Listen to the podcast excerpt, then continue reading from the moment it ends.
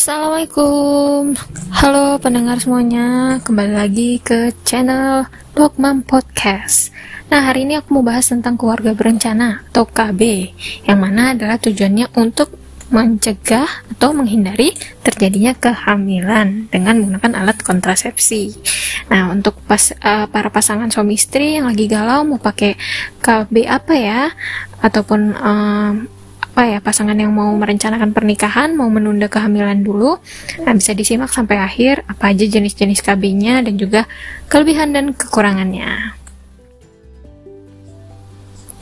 Oke, sebelumnya aku mau bahas dulu sedikit kenapa sih uh, beberapa pasangan itu akhirnya memilih untuk uh, memasang KB.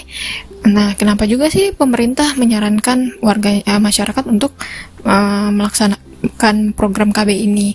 Nah, sebenarnya tujuan KB ini uh, salah satunya juga untuk kesehatan dari si ibu karena ada beberapa kondisi di mana ketika ibu itu hamil dia bi itu bisa menyebabkan bahaya pada si ibu maupun janin yang dikandungnya ada namanya 4T di mana 4T ini adalah satu terlalu muda dua terlalu dekat tiga terlalu banyak dan empat terlalu tua.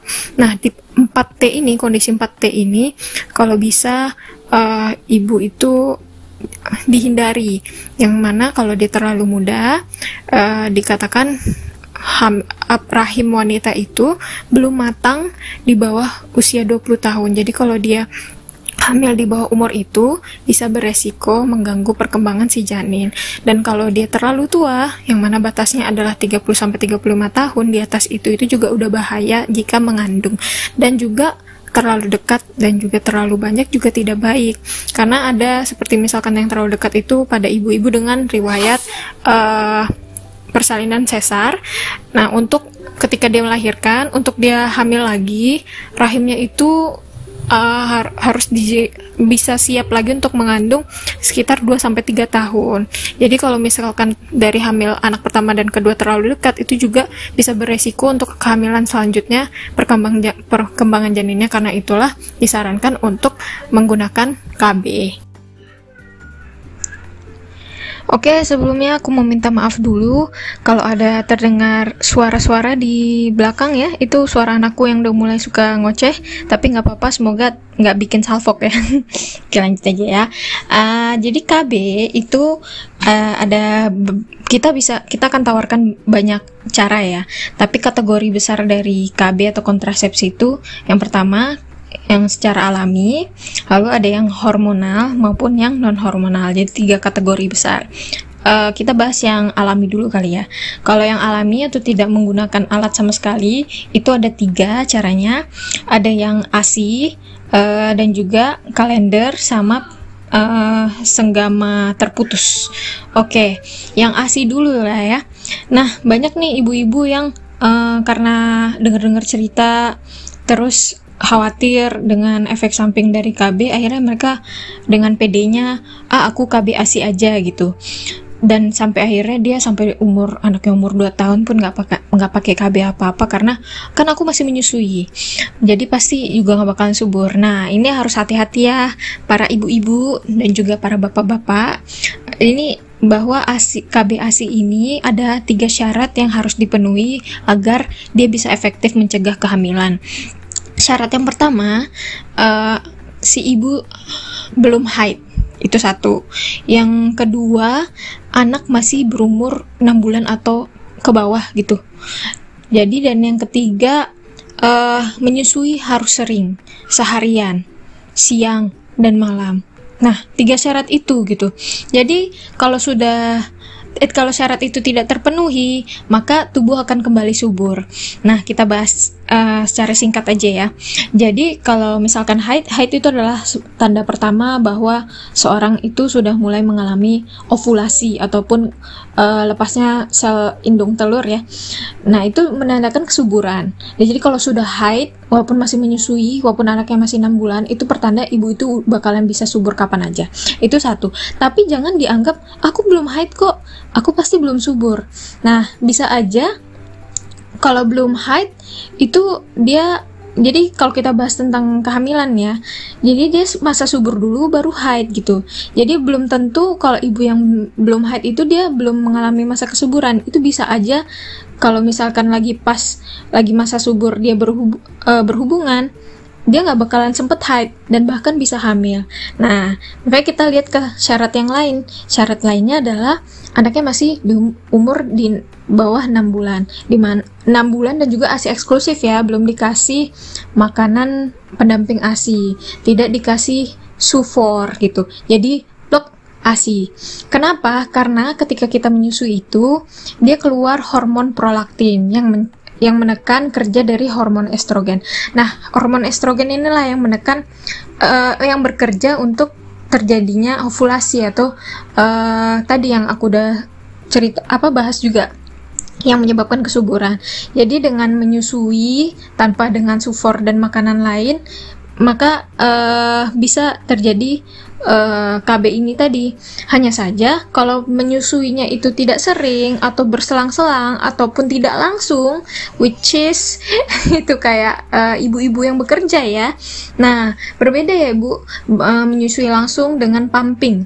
Karena dengan menyusui langsung kerja prolaktin itu lebih bekerja dan makanya lebih efektif bila ibunya itu memang menyusui langsung dan ada syaratnya juga tidak boleh selang lebih dari uh, 4 jam tidak menyusui itu jadi minimal ibu-ibu itu harus menyusui per di bawah 4 jam sekali gitu. Kalau dia sudah lewat misalkan anaknya uh, menyusui terakhir jam 2 terus dia jam 2 siang ya baru menyusui lagi jam 7 malam. Nah itu kan udah selangnya lebih dari 4 jam. Terus dia abis itu setelah jam 7 malam dia menyusui lagi jam 2 malam. Dia dua kali berulang dalam sehari tidak menyusui lebih dari 4 jam itu oh, otomatis KB uh, eh, ASINya itu nggak bakalan efektif. Seperti itu. Nah, jadi udah tahu ya, Mam, gimana supaya KB ASI ini bisa efektif? Apa aja tadi? Satu kita belum haid dua anak masih di bawah 6 bulan dan ASI eksklusif. Dan ketiga menyusuinya harus sering di bawah 4 jam sekali. Oke? Okay? itu tadi KB ASI Selanjutnya KB dengan sistem kalender, yaitu dengan menghitung masa subur. Nah, gimana cara menghitung masa subur? Itu bisa di searching ya. Uh, banyak juga kok sekarang aplikasi-aplikasi yang bisa kita gunakan untuk menghitung masa subur kita. Nah, KB sistem kalender ini ya intinya uh, metode dengan cara menghindari berhubungan pada saat uh, si ibu sedang masa subur gitu. Nah, uh, banyak disukai juga oleh orang-orang karena biasanya pada orang-orang tidak mau menggunakan alat gitu khawatir dengan alat-alat kontrasepsi. Terus juga pada orang-orang dengan um, apa pandangan tentang agama ya yang mengelarang tentang KB gitu pandangan agama tertentu. Dan juga biasanya supaya tidak mengganggu uh, kenyamanan berhubungan. Jadi uh, orang-orang ini menggunakan sistem kalender hanya saja uh, minusnya juga ada karena pakai sistem kalendernya harus benar-benar disiplin dan akan sangat susah digunakan pada ibu-ibu dengan siklus haid yang tidak teratur. Kenapa? Karena kan e, menghitung masa subur itu ya perhitung-hitungan doang ya. Itu aja yang orang yang siklus haidnya teratur aja bisa miss gitu masa suburnya itu karena dia pakai perkiraan gitu. Apalagi yang siklus haidnya tidak teratur. Diselingi dengan uh, kalau kita tidak disiplin menjaga waktu kapan berhubungan itu bisa juga menjadi tidak efektif. Seperti itu. Dan yang terakhir untuk metode kontrasepsi alamiah yaitu dengan senggama terputus uh, di mana saat berhubungan intim uh, sang pria mengeluarkan alat kelaminnya dari vagina sebelum pria mencapai ejakulasi sehingga air mani yang berisi sperma tidak masuk uh, yang sehingga tidak terjadi pembuahan seperti itu. Ini juga jadi cara yang uh, lumayan umum digunakan uh, masyarakat yang tidak ingin menggunakan alat kontrasepsi. Hanya saja ini butuh komitmen karena si uh, ini kan karena mengganggu kenyamanan juga hubungan intim jadi bisa jadi kalau misalkan nggak komitmen uh, baik si pria maupun wanita maka ini juga beresiko untuk tetap terjadi kehamilan belum lagi ada beberapa kasus ketika si pria ingin mengeluarkan alat kelaminnya uh, maninya itu sudah keburu masuk sehingga ada resiko juga untuk terjadi kehamilan. Uh, dari efek sampingnya juga tidak ada, terus juga tidak perlu biaya dan prosedur khusus, sehingga uh, ini merupakan salah satu cara yang banyak disukai oleh masyarakat Indonesia. Jadi plusnya tadi mudah, minusnya bisa kurang efektif kalau nggak komitmen dan tidak dilakukan dengan benar. Nah itu tadi yang untuk kontrasepsi alamiah. Kita lanjut ke pembahasan kontrasepsi hormonal. Nah, untuk kontrasepsi hormonal itu pada intinya dimasukkan hormon sintetik yang bisa berpengaruh terhadap uh, ovulasi atau keluarnya sel telur dari indung telur. Nah, ada dua kalau kita bahas ada yang kombinasi maupun yang uh, cuma progestin aja. Kalau yang kombinasi isinya hormon estrogen dan progestin. Nah, fungsi dari hormon estrogen ini sendiri dia untuk uh, mencegah terjadinya ovulasi, terus dia juga uh, mengentalkan uh, cairan di leher serviks ya jadi menyebabkan sperma tidak dapat mencapai saluran alat reproduksi bagian atas seperti rahim dan juga tuba falopi. Nah, kalau progestin dia uh, lebih membuat dinding rahim itu atrofi atau istilah itu licin sehingga ketika pun terjadi pembuahan maka uh, janin yang terbentuk atau zigot itu akan sulit menempel di rahim sehingga tidak terjadilah kehamilan seperti itu. Dan juga dengan licinnya dinding rahim ini akan menyebabkan uh, sulitnya pergerakan sperma untuk melakukan pembuahan. Nah, itu fungsi eh, cara kerja dari kontrasepsi hormonal. Jenisnya ada banyak, ada yang pil, suntik, implan, intrauterine system, patch, sama dinding vagina. Mari kita bahas yang pil KB terlebih dahulu. Uh, tadi saya udah bahas, udah ada yang kombinasi, ada yang mini pil ya. Nah, kalau pil KB ini sangat mudah ya digunakan karena dia hanya tinggal kita minum dan biasanya kita udah diresepin beberapa strip. Ada yang 28 pil, ada yang 21 pil. Seperti itu. Nanti kita disuruh mulai minum dari hari pertama menstruasi ya untuk para ibu nih ya. Tapi minumnya uh, pil KB ini harus disiplin setiap hari pada uh, jam jadwal waktu yang sama. Misal hari ini minum pada jam 1 siang.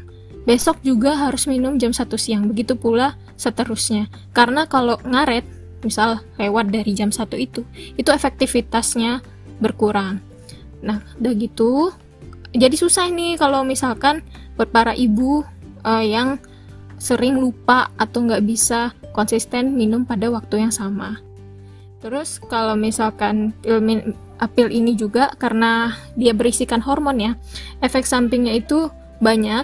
Mungkin kalau ibu-ibu pernah, aduh aku pakai pil KB uh, atau temanku pakai pil KB gemukan atau jadi jerawatan segala macam pernah dengar-dengar seperti itu karena memang efeknya sebenarnya berbeda-beda setiap orang cocok-cocokan juga ada yang pada beberapa orang sampai menyebabkan uh, mual muntah nyari kepala nyari perut bagian bawah terus juga memang kegemukan. Tapi ada sebagian orang juga tidak mengalaminya. Ini karena masalah uh, reaksi tubuh terhadap hormon yang berbeda-beda.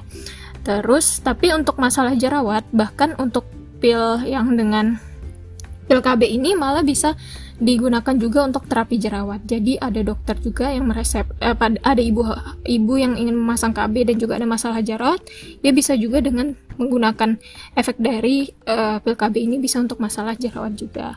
Tapi itu tadi harus disiplin dan gitu juga harus punya um, apa namanya siklus mens yang teratur.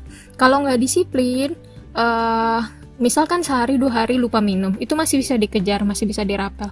Tapi kalau misalkan udah lewat dari tiga hari itu harus menggunakan misalnya ini kan kita udah hari keberapa nih lupa.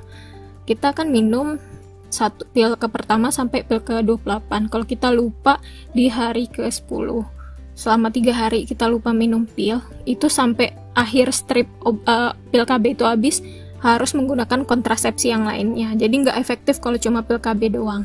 Gitu karena efektivitasnya sudah menurun karena udah tadi min udah lupa minum hari tadi. Itu untuk yang pil KB ya.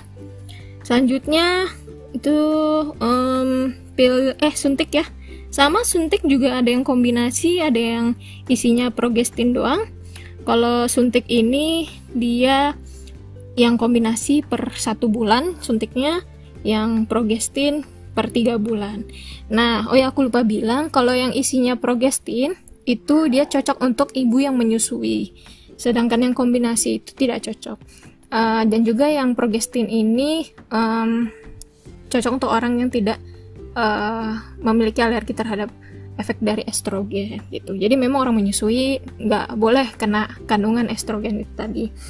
Nah, um, suntik ini kalau dari survei diketahui menjadi metode KB yang paling disukai oleh masyarakat Indonesia karena dia juga uh, perlu minum tiap hari dan cuma beberapa bulan sekali ya hanya saja karena cuma beberapa bulan sekali itu kita harus bergantung pada tenaga kesehatan. Itu nggak bisa melakukannya sendiri. Jadi kelebihannya itu enak, nggak terlalu sering. Hanya saja kekurangannya juga uh, kalau kitanya males atau lupa, kita juga harus ingat jadwal gitu. Jadwal per bulan, per tiga bulannya harus ingat. Kalau kita kelewat, kita males itu juga bisa mengurangi aktivit uh, efektivitasnya. Nah, terus uh, minusnya dari KB suntik ini juga dia dapat menyebabkan berkurangnya kepadatan tulang. Terus ketika uh, para mama ingin setelah memakai KB suntik nih beberapa tahun terus ingin merencanakan kehamilan lagi ketika kita berhenti KB ini butuh waktu lum lumayan lama ya bisa sampai satu tahun untuk bisa subur kembali terus juga efek lainnya efek hormonal tadi seperti pusing nyeri pada perut atau nyeri pada, pada payudara, mual, muntah dan sebagainya. Itu tadi sudah pil KB, lalu suntik. Uh, selanjutnya implan. Kita bahas implan ya. Nah, implan itu adalah sebuah seperti dia itu kayak plastik ya, tabung, tabung uh, sebesar korek api yang ditanamkan pada lengan atas bagian dalam. Tuh.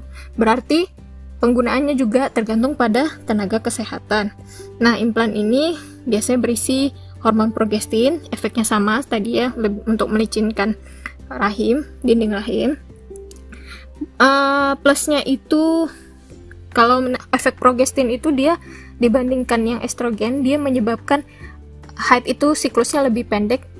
Uh, maksudnya hari haid itu lebih pendek ketika haid biasanya misalkan orangnya itu biasa 10 hari dia berkurang jadi 7 hari seperti itulah istilahnya lebih pendek dan lebih sedikit darah yang keluar sehingga dia menghindari dari resiko anemia defisiensi besi. Karena kalau kita terlalu banyak perdarahan itu bisa menyebabkan anemia. Dan juga implan ini bisa menurunkan bisa mencegah penyakit radang panggul. Itu hanya saja walaupun dia memendekkan siklus head eh memendekkan waktu head tadi dia juga bisa menyebabkan perubahan pola haid. Itu ada beberapa orang juga jadi haidnya tidak teratur karena pakai implan ini. Begitu lanjut. Itu tadi implan ya. Um, selanjutnya intrauteri system intrauteri system ini dia adalah salah satu jenis dari alat kontrasepsi dalam rahim. Yang mana bedanya sama IUD ya, intrauterine device. Kalau intrauterine device itu dia tidak menggunakan hormon, kalau yang ini pakai hormon. Nah, dia berbentuk plastik sama bentuknya T, uh, berisikan progestin. Dia bisa efektif sampai 3 sampai 5 tahun mencegah kehamilan. Terus juga kelebihannya lagi ketika lepas pakai IUS ini bisa langsung subur lagi gitu hanya saja ya namanya kalau kita make um, apa kontrasepsi yang dalam rahim itu bisa menyebabkan ketidaknyamanan terus juga bisa menyebabkan um, perubahan pola haid juga. Terus apa efek-efek tadi yang sudah aku jelasin juga ya seperti nyeri kepala nyeri payudara mual muntah. Tapi juga uh, ini merupakan uh, metode yang lumayan yang dapat efektif dapat digunakan pada waktu lama. Terus juga uh, minim biaya ya dibanding kita yang pil KB harus beli lagi kayak suntik juga harus kontrol lagi. Kalau ini kan sekali pakai terus bisa untuk lama itu selanjutnya patch. Patch itu adalah koyo. Dia kayak koyo ya dari plastik ditempelkan bisa di perut di bokong di lengan maupun di punggung.